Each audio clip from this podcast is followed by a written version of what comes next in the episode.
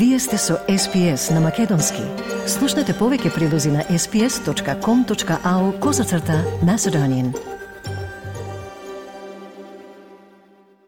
Опозицијата од албанскиот политички блок во Македонија напред пред владата ја подрави посетата на председателката на Европската комисија фон дер Лајен, која како што велат ги вложува сите напори за забрзување на целосната интеграција на земјава во ЕУ, објави Макфакс вела дека со особено внимание ги слушнале незините пораки за необходноста од корените внатрешни реформи во сите сфери со фокус на справување со високата корупција и во целина ги делат незините препораки.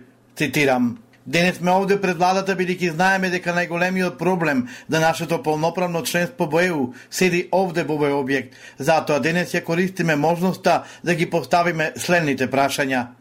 Дали кажавте на господја фон дер Лајен за авантурата за враќање на Груевски и објаснивте ли дека главната лажна надеж за ЕУ стана политичарот што најмногу ја оддалечи земјата од ЕУ додека беше премиер? Дали објаснивте дека всушност Дуи е откажана од уставните измени? Дали и кажавте дека единствениот фокус на Дуи е преку враќањето на Груевски да се обиде да обезбеди пазар со ВМРО ДПМН, каде што намаса ги става и пратениците на СДСМ?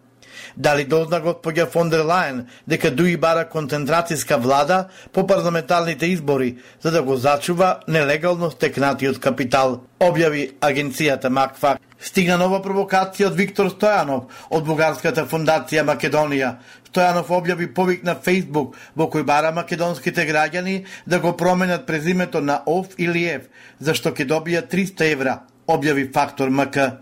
Од македонците се бара да побараат промена на презимето и да го внесат во изводот на матичната книга на родените. Кампања за жителите на Северна Македонија со бугарско потекло. Вратете го вашето презиме во ОФ и ЕФ и добите 300 евра. Контактирајте ја Фондацијата Македонија, пишува во објавата. Стојанов веќе е прогласен за персона нон грата во Македонија. Тој во септември им се закани на македонците во Албанија дека ќе им ги одземат бугарските пасоши и добро да размислат како ќе се изјаснат на пописот. По локалните избори во Бугарија, кои се случија во неделата, синот на Солза Грчева, Андреј Зографски, е избран за советник во градското собрание на бугарската престолнина Софија.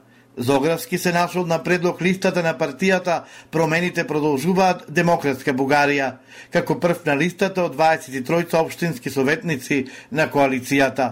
Дури и дел од бугарските политичари се зачудени како син на поранешна пратеничка која ја води македонската партија Глас да народот и има десничарски стабови, успеал да стане бугарин и политички влијателен, пренесува фактор МК. ВМРО Народна партија на експремиерот Љубчо Георгиевски смета дека судењето во Битола на долгогодишниот член на ВМРО ДПМН Љубчо Георгиевски како председател на клубот Ванчо Михајлов е политички монтиран процес.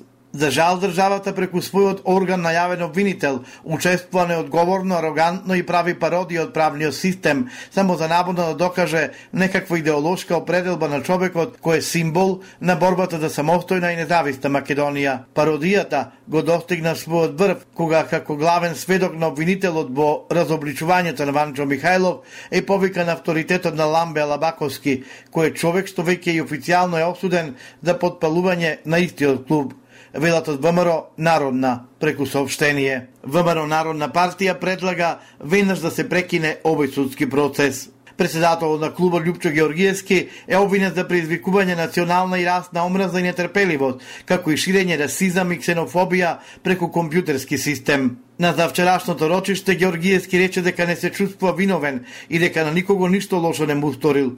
Судењето продолжува на 18 декември, кога ќе бидат сослушани Георги Црномаров и Благоја Шаторов, како сведоци на одбраната. На СБС слушате вести од Македонија. Онкологија е во агонија, парите и ресурсите се ограничени, а неограничен е само бројот на пациентите кој годишно расте од 10 до 15%. Само дополнителен проблем е колективната вина, која виси над клиниката и додека трае пред истрагата, создава недоверба кај болните. Вака актуелната директорка на клиниката Виолета Клисарова сведочеше пред анкетната собраниска комисија за скандалот онкологија, а пред пратениците со треперлив глас и со солзи во очите кажа дека чувствува мора морална одговорност поради недостатоците на лекови и целата состојба во болницата, пренесе Сител.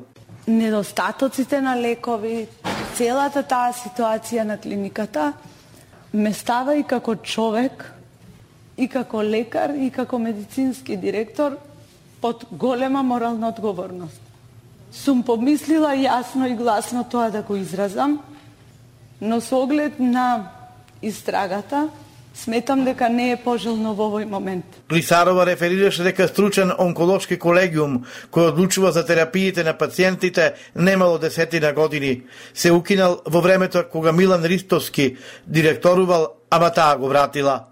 Актуелната директорка е прва од сведоците која директно кажа дека чувствува одговорност. Злоупотребите на клиниката за онкологија продолжиле и погрозоморниот скандал која шокираше јавноста за начинот како поединци се богателе од борбата за живот на пациентите. ВМРО ДПМН најавува нови сведоштва и документи кои ги добиле од свиркач и кои сега партијата ги истражува. Лидерот на опозицијата Христијан Мицковски на пресрече. Ако тоа се потврди за точно, тогаш наистина можам да кажам дека имаме работа со монструми, не со луѓе, кои што и покрај ова што се случува, и покрај епскиот скандал, тие повторно продолжуваат со злоупотреби кои што имаат нечовечки, нечовечки размери, и ние планираме со ова да излеземе во јавност, доколку ова што го достави свиркачот се потврди како точно и имаме намера да му отвориме на обвинителството сериозна работа. Затворски притвор за 13 мина, а куќен притвор за еден од осомничените лица во случајот Синджир, определи кривичниот суд на предходно барање на основното јавно обвинителство за гонење на организиран криминал и корупција. За преостанатите 12 осомничени во случајот, судот определи други мерки на предпазливост. Во случајот Симџир се опфатени вкупно 26 физички и 28 правни лица, осомничени за злосторничко одружување, даночно затајување и перење пари и други приноси. Поред основното јавно обвинителство за гонење на организиран криминал, осомничените не пресметале и не платиле данок во вкупен износ од близу 8 милиони евра. Купно 213 осуденици од полуотвореното оделение во затворот Идризово, вчера утро го почна најавениот штрајк со глад, но тој по плането беше прекинат, потврди за Мија, заменик директорот на казнено поправната установа Феми Јонузи. Омбусманот Насер Зибери за Канал 5 изјави дека ситуацијата таму е тензична, но релативно мирна. И наш печаток е дека со закаснување е пристигната помошта. Второ, дека е направена некоја селекција на повредените на кои им е укажана таквата помош. Лекарските извештаи завршуваат со констатации за лесни телесни повреди. Фактичката состојба е сосема друга на лице место. Откако ќе ги сублимираме сите резултати и ќе ги споредиме со нашите наоди на лице место, ќе излеземе со конкретни заклучоци и препораки за надминување на состојбата. Во инцидентот во затворот кој се случи во саботата, а покрај осудените беа повредени десетици полицајци, на кои им беа констатирани телесни повреди. При претресот биле пронајдени ножеви, мобилни телефони и дрога.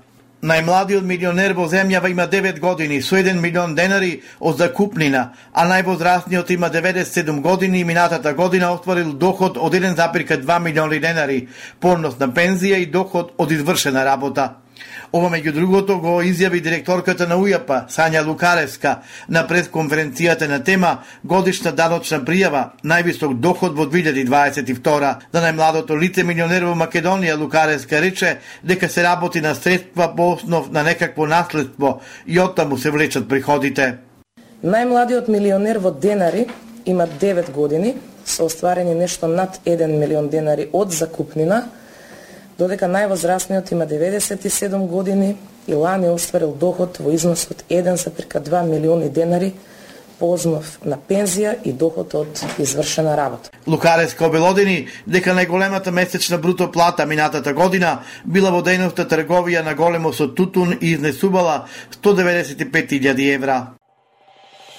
Сакате ли да чуете повеќе прилози како овој? Слушате подкаст преку Apple Podcasts, Google Podcasts, Spotify или од каде и да ги добивате вашите подкасти.